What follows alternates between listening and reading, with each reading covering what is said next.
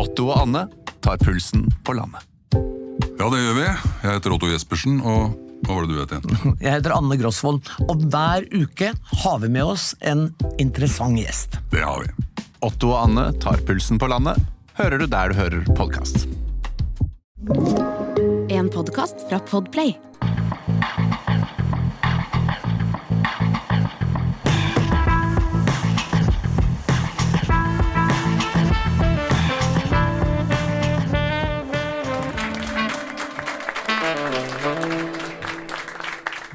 Velkommen til denne aller første liveutgaven av eh, Fredrik Resvik uredigert.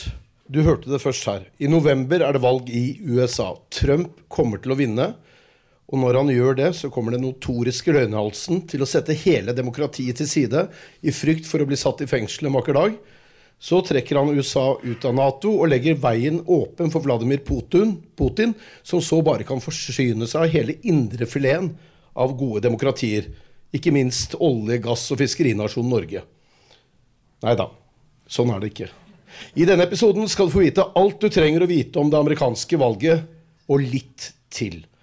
Med meg har jeg podkaster, tidligere TV 2-kollega, eks-diplomat og tidvis satiriker Eirik Bergesen. Vær så god.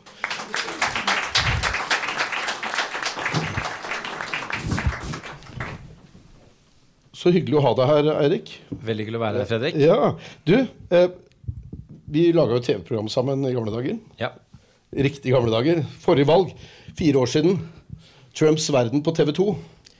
Da satt du i studio, og jeg var korrespondent i, Washington og, og fortalte hvordan det var å leve med Donald Trump tett på kroppen. Savner du det programmet, Trumps verden? Altså, eh, Trumps, Vi skulle aldri slutta med programmet, for eh, det er jo fortsatt Trumps verden. Ja. Det er jo, Ja. det, det, han Selv har om det ikke er han det dreier seg om? Ja, det, og han får det til å dreie seg om seg selv, og selv om han nå Ja, vi lang- hjelper han, da. Ja, men med, med, altså, selv uten politiske verv, så har jo han styrt uh, i hvert fall partiet sitt, uh, som er jo helt uh, nytt i amerikansk politikk, at, én person styrer et parti alene. Så han har jo på en måte aldri gått bort. da. Så vi kunne egentlig fortsatt med det programmet i stedet for å sitte og lage podkaster. Jeg må bare si at De fem årene jeg var korrespondent for TV 2 i, i USA, det er altså noen av de beste årene av mitt liv. Det var så utrolig flott som journalist da, å være til stede eh, når Donald Trump var eh, eh, president. Jeg dro dit i, i begynnelsen av 2017 for å være der noen uker til Trump eh, liksom begynte å oppføre seg ordentlig. Og det er de fem beste årene i mitt liv. som startet med det som skulle være noen uker. Men er, det er litt sånn Dickens sånn best of times, worst of times også. Fordi altså, Det var en stresstest uten like for amerikansk demokrati. Og selvfølgelig journalistisk utrolig spennende å følge. Men, men altså det, det skal vi jo snakke mer om nå. Det kunne nesten gått galt. Eh, Det kan fortsatt gå galt. Og innimellom så gikk det jo ganske galt under Trump-perioden. men det gikk jo ikke galt. Eh, og så var det jo da slik at interessen for amerikansk politikk i Norge var vanvittig stor. Vi merka det altså på seertall og klikktall når det var ting som skjedde. Eh, og det var altså så fantastisk å våkne opp hver morgen eh, og kaste seg over telefonen, åpne Twitter og se hva er det han har tvitret i natt. Fordi der si, Da skjønte du det satt dagsorden i hele verden. Eh, Kolfefe er liksom den rareste dagen, fordi da, vi brukte jo lang tid. Han hadde jo sannsynligvis sovnet med telefonen i hånda. Det er jo det vi alle tror. Han skrev Kolfefe, og så elsket han jo når ingen klarte å finne hva det betydde. Og, og hans tilhengere hadde jo lange analyser om hva det egentlig betydde. Eh, Så, så det, De, de leste det kanskje som en første sånn ordre om å møte opp i Kongressen noen år etterpå. Jo, men altså det med sånn altså Man kan jo på en måte tenke at eh, det store fokuset på Trump, at vi kalte programmet for, for Trumps verden, at eh, det store bildet har noe, noe som heter Trump-tirsdag. Sånn at det er sånn overfokus på Trump. Og hvorfor all den oppmerksomheten rundt Twitter-meldingene, som også var en viktig del av, av vårt eh, program. Jo, for det, det, fordi at Trump-personen er så utrolig viktig. Og de Twitter-meldingene, det var den måten eh, han, og fortsatt for så vidt nå på Truth Social, hans egen plattform, formidler politikk på. Han lager ikke sånn, eh, store lovpakker som man skal ha gjennom Kongressen osv. Han eh, tvitrer, sender meldinger og holder kontakt med sin, sine velgere på den måten. Og det funker jo veldig bra for han, da. Vinner Trump valget? Nei. Vet du hva, det tror ikke jeg heller. Er du sikker? Jeg er Fordi nå sitter det- nå- 100% akademisk, vitenskapelig, analytisk sikker. Nei, selvfølgelig er jo ikke det. Jeg bare si det. Vi sitter jo på en liten scene nå da, med noen folk til stede i salen. Takk for at dere kom, alle sammen. Og, og jeg snakket med noen før vi gikk opp her nå. Og da eh, er det jo en sånn følelse at Trump kommer til å vinne. Sikkert fordi media overdekker ham litt. Men, men det høres ut som vi begge to har gode nyheter til alle som bekymrer seg. Men Burde ikke dette være sånn cliffhanger? Sånn på slutten av episoden så skal vi avsløre hva som faktisk kommer til å skje?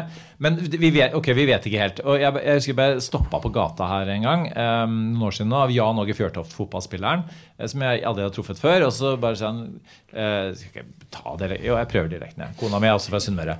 Eh, Hva dere her holder på med? Greiene? Eh, liksom, ja, og, og, og det med at, liksom at vi hadde tippet Trump, da, og det ble jo ikke Trump. Eh, og, og så sa jeg at vel, ikke bare norske USA-eksperter, men amerikanske USA-eksperter eh, ble overrasket. Trump selv, ifølge en hel rekke bøker, ble veldig overrasket. Eh, og så sa jeg sånn Ok, så, så poenget er sånn er det, Hvordan skal vi vite på forhånd? ikke sant? Vi, vi må jo på en måte eh, Vi må, på en måte gjøre, Det er jo en eller annen type spådom, da. Men det er jo en slags sannsynlighetsberegning. sant? Så hvis du er fotballekspert, da, så tenker du sånn Ok, Norge møter Brasil. Da taper Norge ni av ti ganger. Men som Jan Åge Fjørtoft vet, så kan vi vinne den ene gangen. Eh, og og det, det var litt det som skjedde, skjedde med Trump. Og vi har jo tross alt, Fredrik, eh, ikke flere andre ting å gå ut ifra enn meningsmålinger. Så har du reist veldig mye rundt og prata med folk. Men det er klart at det, eh, man, man, man vet jo aldri helt. Og det som er fascinerende med dette valget her, da, er jo at eh, fram til og med valgdagen, de meningsmålingene som kommer da, vil vi jo ikke vite det samme som skjedde i 2016. Sant? Det er jo ikke før folk faktisk putter den stemmeseddelen ned i urnen. Og den øvelsen i seg selv, da, jo, da skal du på en måte da skal du si til deg selv hvordan vil jeg at USA skal være de fire neste årene. Du skal ikke bare være forbanna på det ene og det andre og bensinpris osv. Du må faktisk eh, si noe på det, hva din framtid skal være. Og det er det som jeg tror gjør at folk i valget mellom en veldig, veldig, veldig gammel mann eh, og en kanskje dømt kriminell Som er nesten like gammel. men mye mer energisk, eh, så, så, så velger de ikke den dømte kriminelle. Eh, Det er det jeg tror. Eh, Og så kan vi snakke litt om alle disse sakene og sånt som, som vil, vil avgjøre dette da også. Da. Bare gå tilbake til 2016-valget, fordi eh, media har blitt latterliggjort for disse målingene som kom da, som viste at Hillary Clinton kom til å vinne. Nå er det jo slik at det var vanskelig å vekte målingene riktig i utgangspunktet.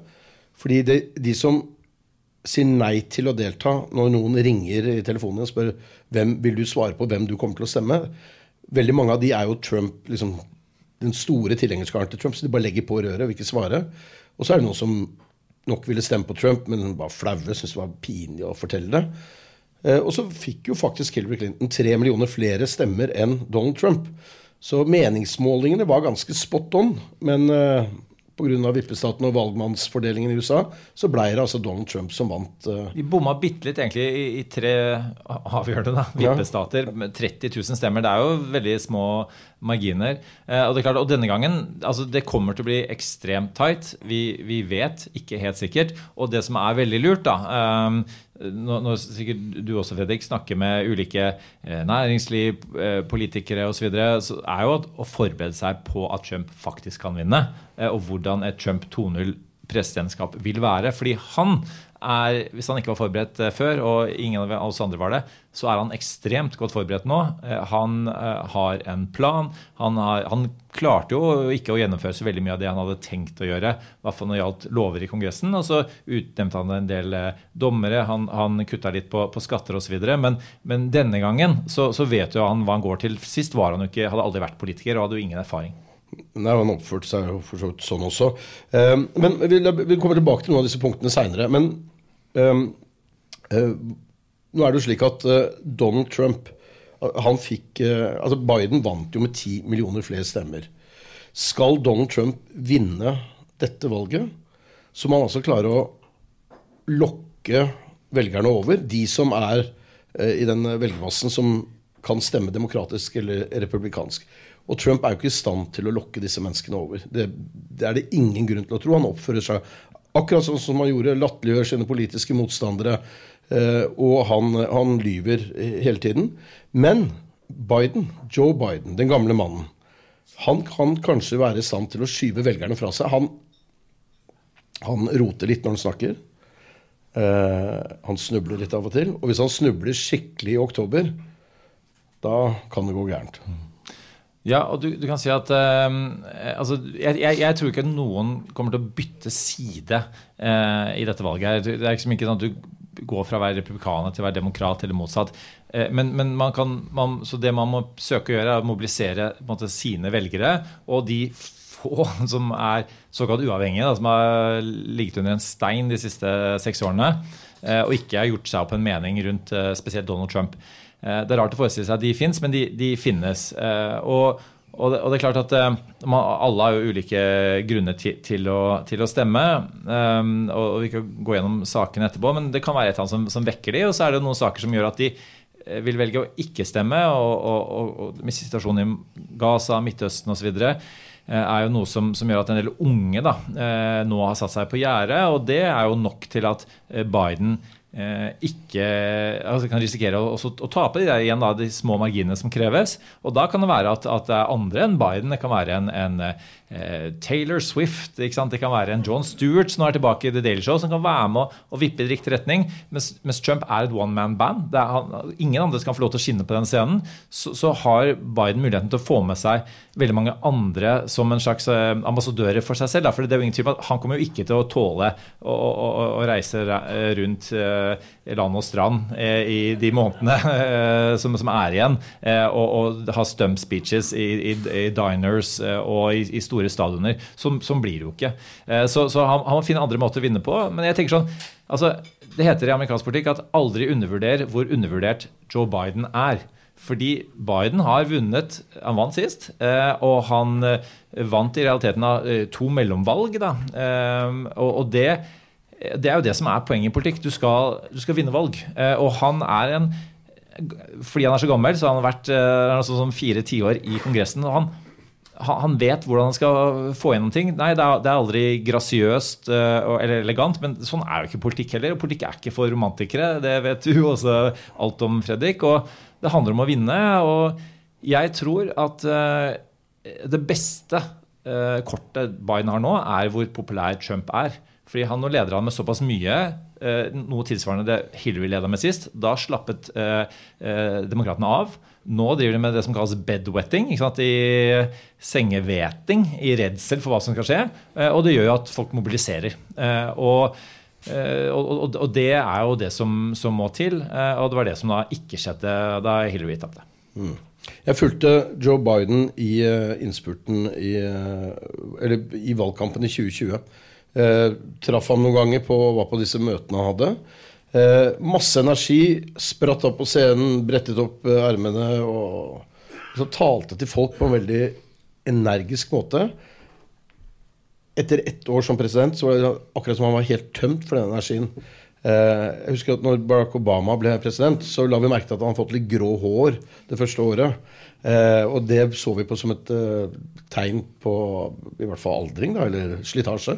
Men med, med Joe Biden så virker det som han gikk helt i kjelleren og fortsatt befinner seg der nede et eller annet sted. Eh, og det åpner jo opp for noen andre muligheter. Fordi eh, det er en person som jeg har satt penger på. Jeg vedda med deg. Og jeg sa det for i 2018, tror jeg, første gang. Det er Nikki Haley. Jeg, jeg, jeg, jeg, vedder på, eller jeg sa den gangen at jeg er sikker på at hun blir USAs første kvinnelige president. Tenk så deilig for republikanerne å få den uh, seieren mens Hillary Clinton fortsatt er i live. Vite at hun uh, må liksom være vitne til at en annen kvinne når opp til det embetet der. Uh, Nikki Haley har jo ting ved seg som er interessante. Det ene var at hun satt i en i regjeringspost i Trumps regjering to første årene han var president, som FN-ambassadør, som da er en regjeringspost i USA, og dermed var knytta sterkt til Trump. Det som gjorde at jeg, og veldig mange andre da selvfølgelig, fikk øynene opp for henne og tenkte at hm, nå driver hun og posisjonerer seg interessant der, det var at hun valgte å slutte som FN-ambassadør.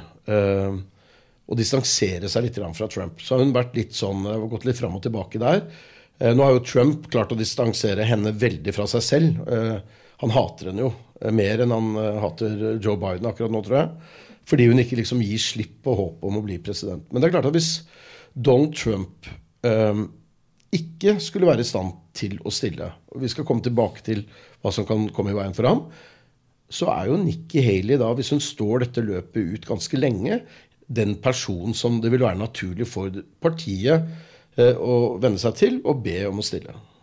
Ja, og det som er jo litt sånn absurd med hele valgkampen nå, er jo at ja, hos republikanerne så har realiteten vært to valgkamper. da. Du har hatt eh, Trump som har reist rundt og hatt sine eh, rallies, sine folkemøter. Og så har du hatt eh, Nikki Haley og, og noen andre eh, kandidater som har hatt eh, ganske g- greie primærvalgdebatter. De har diskutert uh, ulike typer politikk som er viktig for folk. eh, og, det, altså, to parallelle virkeligheter, da, hvor, hvorav Haley sin versjon er akkurat sånn som man har sett republikanere før. Det hun sier og gjør, det er klassisk republikansk politikk. Og, og som, som, som FN-ambassadør så er hun opptatt av internasjonale forhold og, og støtte Ukraina.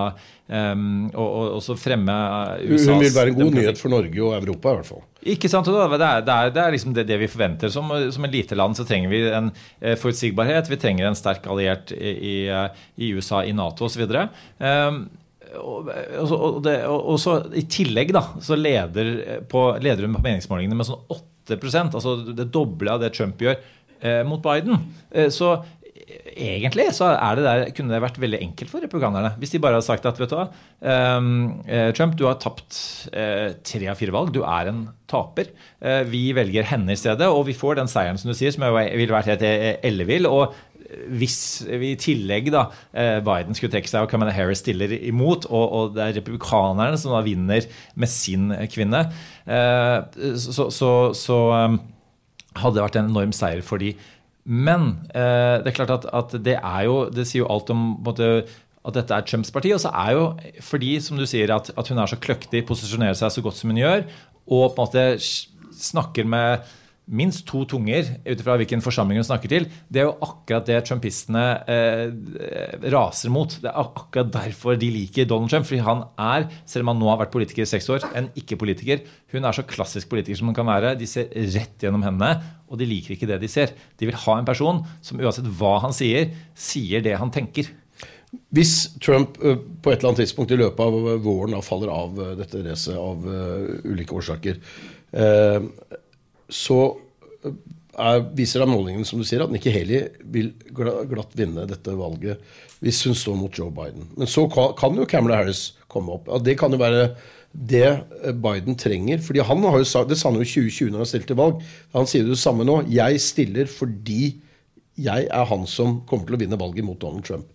Da kan Kamala eh, Harris stille. Eller så kan det hende at f.eks. Gavin Newsom, eh, guvernøren i California, melder seg på. Det kunne jo vært interessant. Han er kanskje for langt til venstre for en del av eh, velgerne. Er, eh, fun fact kommer nå. Eh, Det er at han er Hans ekskone er forlovet med Donald Trump jr. Så det blir skikkelig, skikkelig rotterace. Kimberly Guilfoyle, og hvis dere har sett uh, filmen uh, 'Bombshell', uh, som handler om Robert Ailes i, i eh, Fox News, eh, og, og Roger Ailes sorry, i Fox News, så, og hvordan eh, han da splittet redaksjonen i de som var eh, skeptiske til at han trakasserte kvinner, eh, og de som ikke var skeptiske til at han trakasserte kvinner. Så var altså Team eh, Roger var ledet av Kimberly Guilfoyle. Eh, Hun hadde ingen problemer med seksuell trakassering i Fox, hvor hun eh, jobbet den gangen. Så litt av en person, og det at, at den tidligere mannen hennes skulle, skulle vinne valget eh, på vegne av demokratene, er, er jo rart å forestille seg. Men apropos det å, vedde, da, Fredrik. For noen ganger så vedder man kanskje enda litt sånn Altså, Oddsmakerne da, er ofte vel så presise som disse her analytikerne. Og den personen som er altså Nå er det jo oddsmakerne har da Trump som presidentfavoritt.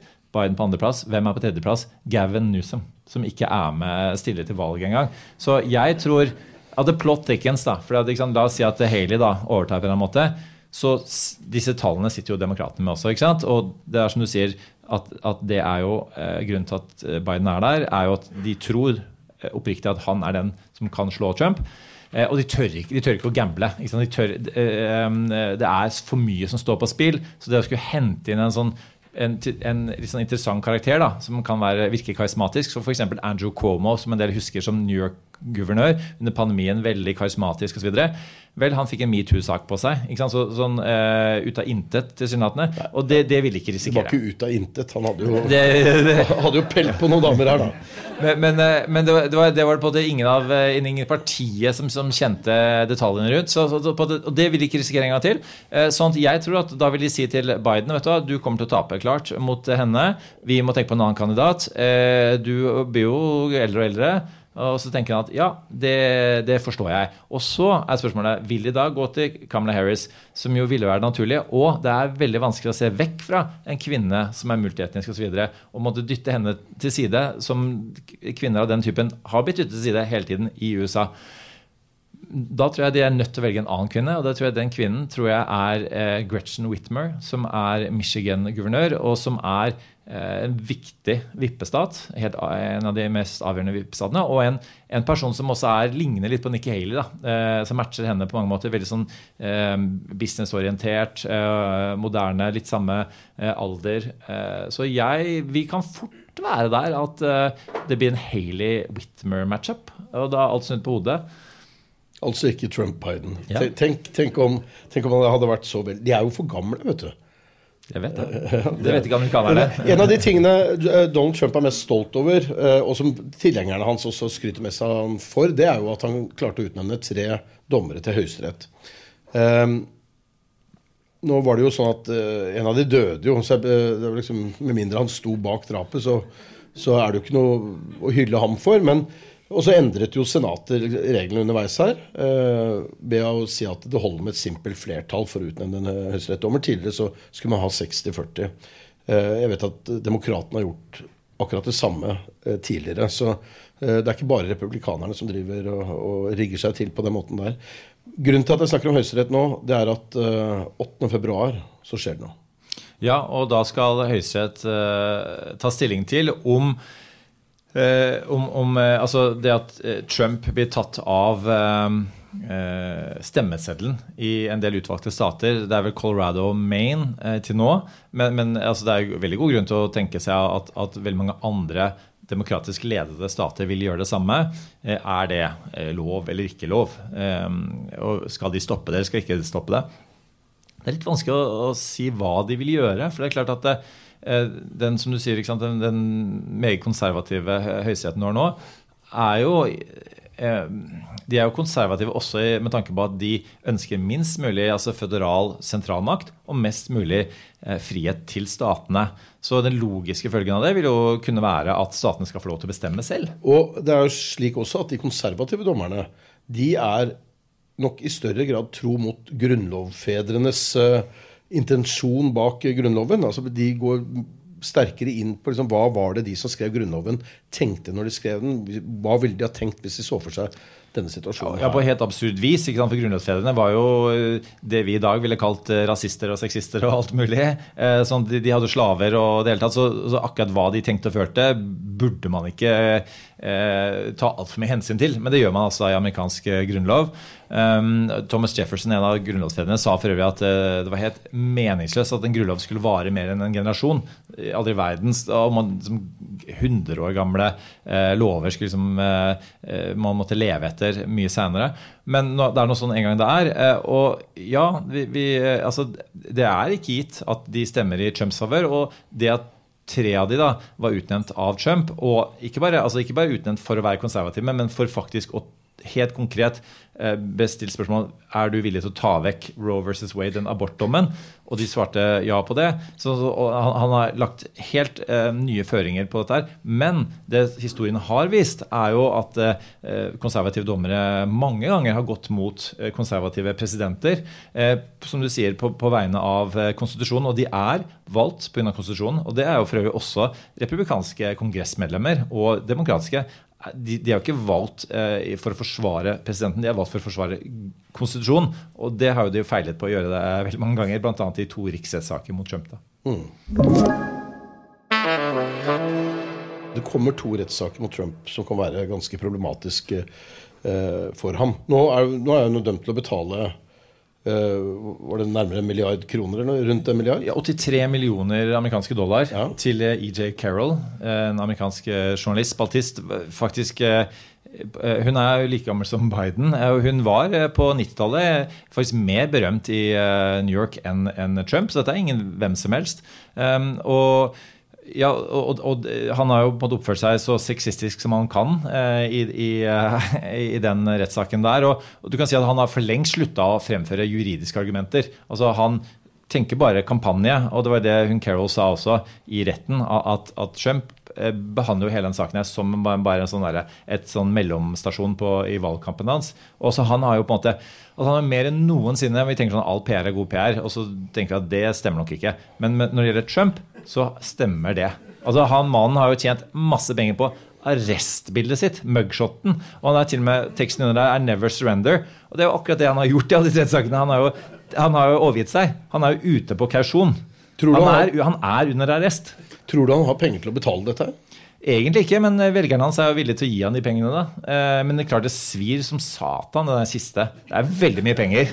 Eh, Så det selv, selv, for, eh, selv for Trump. Eh, Men altså, det, det er Nei, men det er, og igjen, da. Det, det er eh, det er vel nå litt inne på kommunikasjonen hans. Hvordan er det faktisk velgerne hans eh, At ikke de skjønner det som er den, det som, den kognitive dissonansen, den motsetningen i, i at en person da, som er Han tilhører elitene. ikke sant? Han er eh, blitt rik på å bygge gullbelagte bygninger med navnet sitt på toppen. Og han er også en lillemanns forsvarer. Han snakker til gulvet. Ja, han gjør det. Og så er det, og så er det greia at han er, han er en slags avatar for magafolket. Fordi han kan gå inn i, det har han gjort hele livet sitt, inn i sånne eh, bankettsaler med, med eh, lysekroner og kick ass på deres vegne. Og, og, da, og det vil ikke de kunne gjøre, men han gjør det for de, og det er det som er, det er den, og der er det en logikk. Eh, og, og, og han brenner ned det systemet som de eh, ikke eh, tror på. Eh, og så har de nok eh, begrensa tillit til altså, hvor mye Proman skal klare å bygge opp igjen også.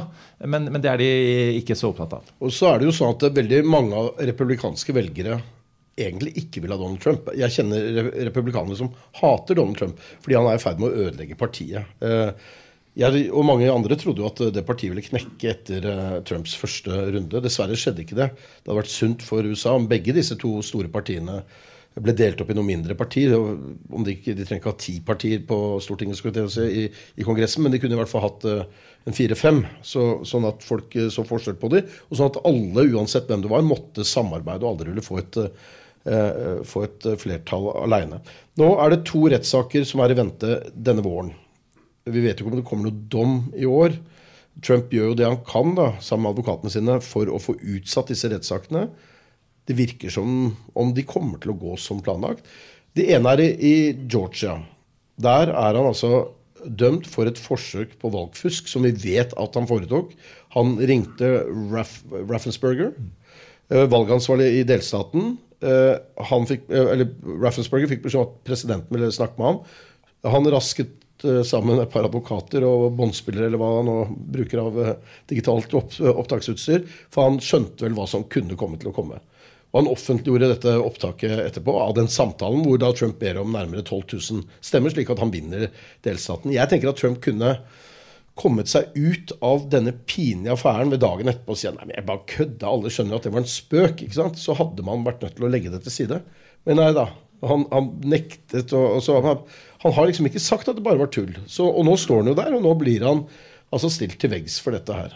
Ja, og Den andre store rettssaken eh, var jo litt tilsvarende. for Det handler om kongressstormingen og hans rolle i, i den. Og, og, og hvor han altså, har prøvd å eh, altså, og, altså En komplott mot USA, da, som, som eh, den tiltalen handler om. eh, Hvor han har prøvd å på en måte orkestrere da, eh, at, at man ikke skulle ta hensyn til valgresultatet. Og der kunne han kommet unna med det, med å si at bare skylde på advokatene sine og si at de, de hadde en sånn en sånn sinnrik plan som de la på bordet, men, men jeg var egentlig aldri med på det. Men der har han i sånn, blant annet på Meet the Press da, sagt at hvor han hadde mulighet til å si det, så, fordi han er så narsissistisk. da. Jeg brukte N-ordet, faktisk. Eh, og, det, og, det og hvis det er ett bevis på det, så er det akkurat dette, hvor han sier nei, det var min geniale plan. Eh, ikke sant? Så gikk han jo rett inn i fella til eh, reporteren, og rett inn i eh, også eh, fellen til aktoratet. Eh, og så er det jo to litt mindre saker som handler om hysjpenger til en pornoskuespiller, og dette med oppbevaring av eh, hemmeligstemtede bl.a. Eh, atomdokumenter på Mar-Lago, bl.a. på do. Eh, Så, så de, de er jo også der. Det, men det som er litt sånn interessant med Georgia, da, som du begynte med, Fredrik, er jo at Georgia har, har to, to sånn klausuler i loven da, som som sier at Det ene sier at du, du må faktisk vise på TV rettssaken. Som andre ord så vil jo en, en god del mennesker se den det som du beskriver som en rykende revolver. Den telefonsamtalen jeg skal et presist antall stemmer for å vinne valget, eh, som han da faktisk hadde. Eh, og det andre er at eh, han har i realiteten ikke rett, muligheten til å benåde seg selv.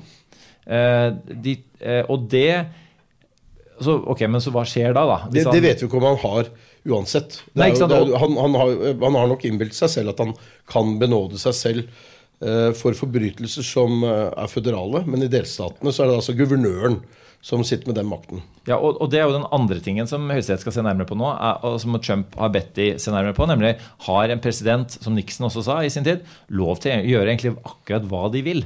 Um, I ytterste konsekvens og rett og slett å måte, ta livet av politiske motstandere. Eh, det høres litt absurd ut, men det er, jo, det er jo en av grunnene til at du har det, det RICO law, da, eh, som, som jo man, man, aktoratet bruker nå, som er en gammel mafialov, som handler om liksom, at, at man eh, på mafiost vis da, eh, måtte eh, gjøre som man vil. Eh, sånn at de eh, og, og, og, hadde vært litt eh, Hva skal jeg si, ikke deilig, men spennende å se at eh, Donald Trump ble felt av en mafialov.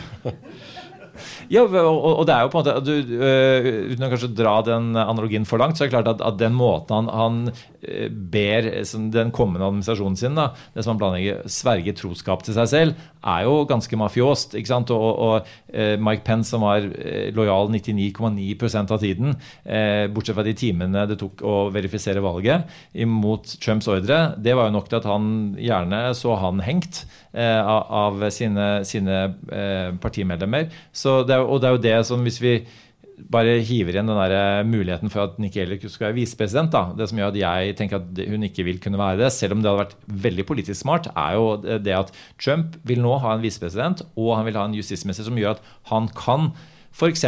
prøve å bli sittende eh, hvis han vinner valget nå og taper neste valg, eller at han uansett må gå av for at han du har ikke lov til å sitte mer enn to perioder.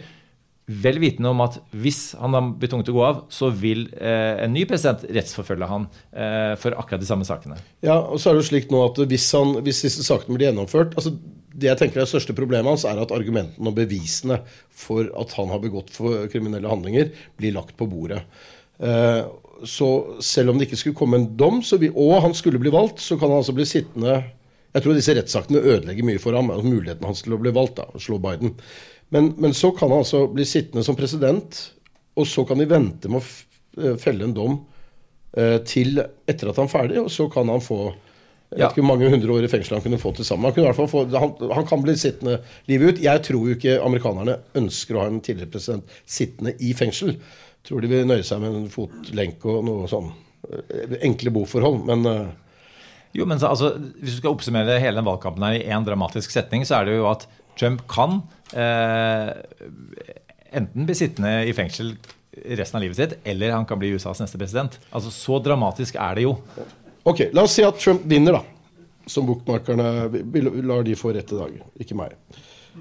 Hva hva skal vi starte med Vladimir Putin? Hva slags forhold er det mellom de to? Vi må ta det litt kort. Ja, altså du kan si at En av de mest oppsiktsvekkende tingene eh, Trump noen gang har sagt, er da eh, eh, hans egne etterretningstjenester, og da inkluderer jeg flere av de, sa at eh, Russland påvirket valget. Eh, at, at de, de eh, med suksess eh, eh, endret eh, ting ved valget som gjorde at veldig mange mennesker, også amerikanere, ble tiltalt for akkurat det. Hvorpå Trump under en pressekonferanse med Putin på podiet sier at jeg har snakket med Putin om dette, han sier noe annet. Jeg har ingen grunn til å, til å, til å trekke det i tvil det han sier. Er jo det mest oppsiktsvekkende amerikansk president kanskje noensinne har sett. Sagt, og ikke minst om det eh, tror du ondskapens imperie, Russland. Men det er jo slik at eh, det går rykter om noen videoer. da, ikke sant? Tror du på disse? At det skal være noen sånne videoer med seksuelt innhold? Eller det er Trump og noen eh, eh, prostituerte i Moskva som urinerer og litt sånn forskjellig. Nei, altså jeg, jeg, jeg, tror ikke, jeg, tror ikke man trenger å tro på det for å være klar over at, at hans forgreininger inn i Russland er betydelige. Altså han har jo, Økonomisk, kanskje? Ja, og hatt hoteller der. Og han har jo han har en, en svær gjeld til utenlandske investorer som man, hvor man ikke vet hvem det er. Man vet at det er bl.a. i Kina, Russland, Saudi-Arabia osv. Så, videre, så man kan bare gjette seg til eh, hvilke hensyn han er nødt til å ta da, eh, i, i, overfor disse her lederne. Og det er klart at, at det, Hans måte å unnskylde eh, diktatorer på og utfordre allierte er, er, jo også noe som er, er helt, helt, nytt og, og ekstremt kritikkverdig. Eh, når det gjelder Nato, eh, så Jeg møtte eh, Trump fem ganger i det ovale kontor. Fire ganger sammen med Jens Stoltenberg. Eh, da ble vi som, eh, som, var der, tatt med inn som Nato Press, som de kalte det. Um, og det var slik at Stoltenberg hadde tilnavnet Trump-hviskeren i Washington. Altså Han klarte å snakke til Trump på en helt spesiell måte. På alle folkemøtene til Trump jeg var på, så sto Trump og skrøt av denne, sin største fan ute i verden. You know who my biggest fan in the world is? No, skriker alle sammen. It's the Secretary General of NATO, Mr. Jens Stoltenberg. Wow, jublet alle som ikke visste hvem eh, Jens Stoltenberg eh, var. Eh, og jeg prøvde å spørre Jens Stoltenberg om det var riktig at han var eh, Trumps største fan i hele verden. Og da svarte han sånn som Stoltenberg kan svare, uten å svare.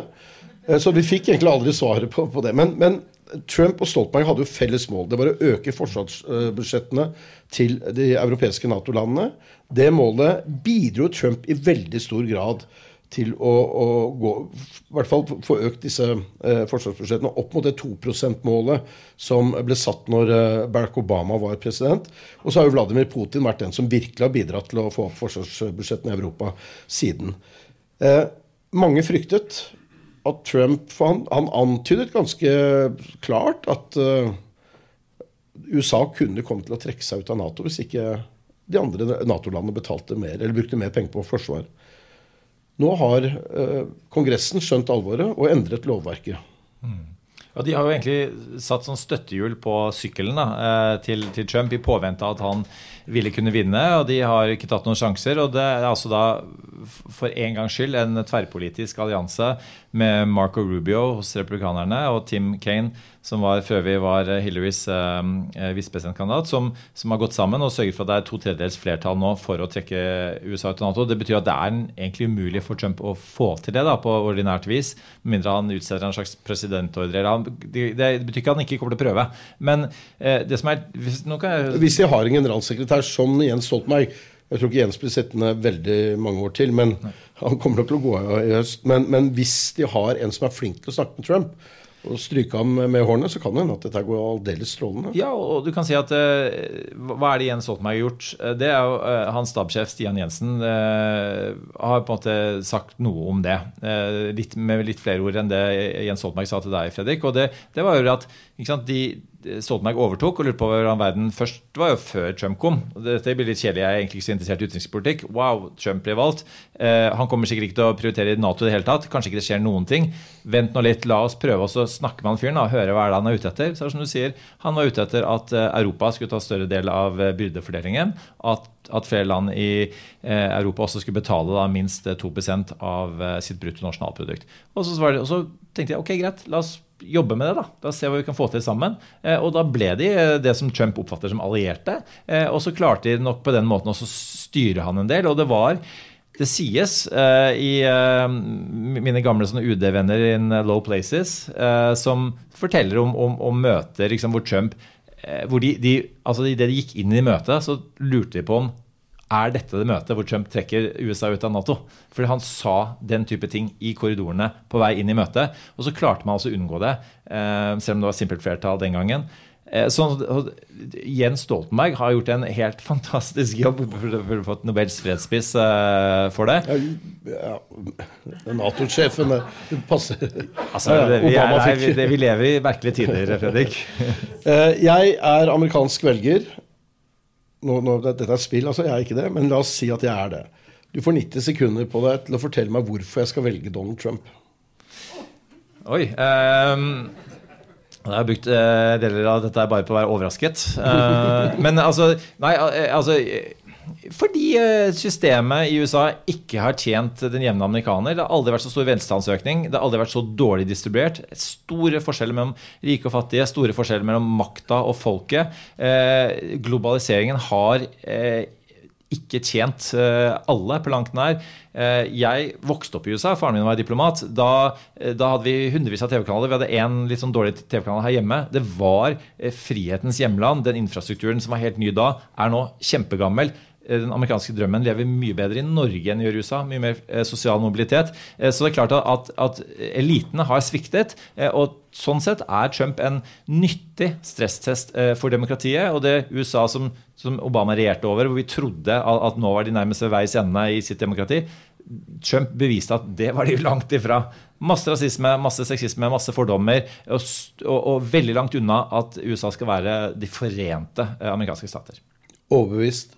Så hvis jeg av en eller annen merkelig grunn skulle få statsborgerskap før november så, ja, Det høres ut som den naturlige forlengelsen at det er at du bør stemme på Trump. da. Ja. Uh, det kan men... jo være at jeg får statsborgerskap også, fordi jeg, eh, jeg, drar til Miami om et par dager. Så vi får se hva som skjer, hva som møter meg der. Um, men jeg tenker at det er viktig å huske på at Donald Trump, uh, altså USA og verden overlevde Donald Trump uh, som president i fire år. Det var kaotisk og, og, rart og merkelig og stressende, men vi overlevde det. Det amerikanske demokratiet overlevde det. Det amerikanske demokratiet overlevde også stormingen av Kongressen eh, 6.1.2021, hvor da eh, Trump-tilhengere prøvde å stanse den demokratiske prosessen. Det var å overlevere makten til eh, valgets eh, vinner. Så det er ganske robust demokrati vi har med å gjøre. Og Trump er kanskje derfor ikke så farlig som veldig mange frykter. Og Derfor gjør det kanskje ikke så mye om han skulle bli president igjen. Og vi får den underholdningen som det jo tross alt vil være med Donald Trump i Det hvite hus. I motsetning til hvordan det er akkurat nå. fordi nå er det jo mest sånn pute-TV. Du, du, er bare sånn Hver gang Joe Biden går opp på scenen, så tenker du Uff, her er det mye som kan gå galt. Hvis han kommer seg opp på scenen da, uten å snuble. ikke sant? Jo, men samtidig så tenker jeg, og dette, dette har jeg ikke fra deg, Fredrik, men fra et par av de andre korrespondentene, eh, bl.a. Eh, Dagbladet og, og, og, Mathias, eh, som også jobber for TV 2 i New York, som er gift med en amerikansk dame. Altså, husker Jeg, jeg prata med de og var der borte i, i sin tid. så var det sånn de hadde slutta å la seg underholde av Trump. fordi at de, som de sa, vi lever i USA. altså Vi utsettes for hans politikk. Eh, og vi lider eh, av det. ikke sant? Våre eh, kjærester og koner osv. De, de har ikke rett til å ta abort. Og det har, har, ikke halvparten av amerikanske kvinner. Og det skjedde over natta. Så det er klart at dette har jo dramatiske konsekvenser for mange. Og så kan du snu på det og si at for mange igjen så er det en økonomisk liberalisering under Trump da, som, som, som de også nøt godt av. Men det tror jeg kommer til å være det, det, kanskje noe av det, altså det heter jo The Economy Stupid i USA. og jeg, jeg tror faktisk at og, og, Trump har en enorm eh, tillit eh, hos befolkningen på økonomi, og det har, jo ikke Biden.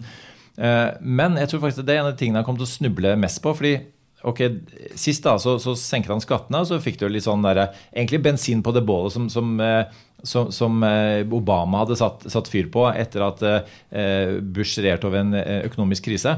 Men hvis han gjør det samme igjen og senker skattene i en inflasjon, da kommer det til å gå helt løpsk. Og da kommer eh, sentralbanken til å si at da må vi øke rentene. Så kommer Trump til å si at det, det, kan du ikke gjøre, for da blir folk forbanna på meg. Og så sier sentralbanken at ja, men vi er jo autonome, du kan ikke bestemme over oss. Så sier han hold my beer.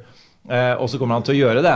Og, og, det er eh, sånn som man gjør i latinamerikanske diktaturer. Og da eh, tenker jeg som at USAs eh, de, eh, demokrati virkelig sliter. Så én ting er på de idealene vi snakker om nå, men, men, men det at han, han, blander seg inn i økonomien på den måten der, tror jeg liksom kommer til å være kanskje noe mest alvorlig i en Trump 2.0. Men Foreløpig er det Joe Biden som ligger best an på målingene, så det kan jo være at det er Joe Biden som vinner valget til høsten. Eirik Bergesen, tusen takk for at du kom. Takk for at du hørte på Fredrik Resvik uredigert.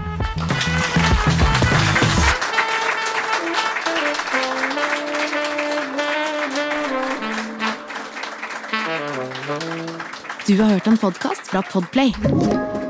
En enklere måte å høre podkast på. Last ned appen Podplay eller se podplay.no.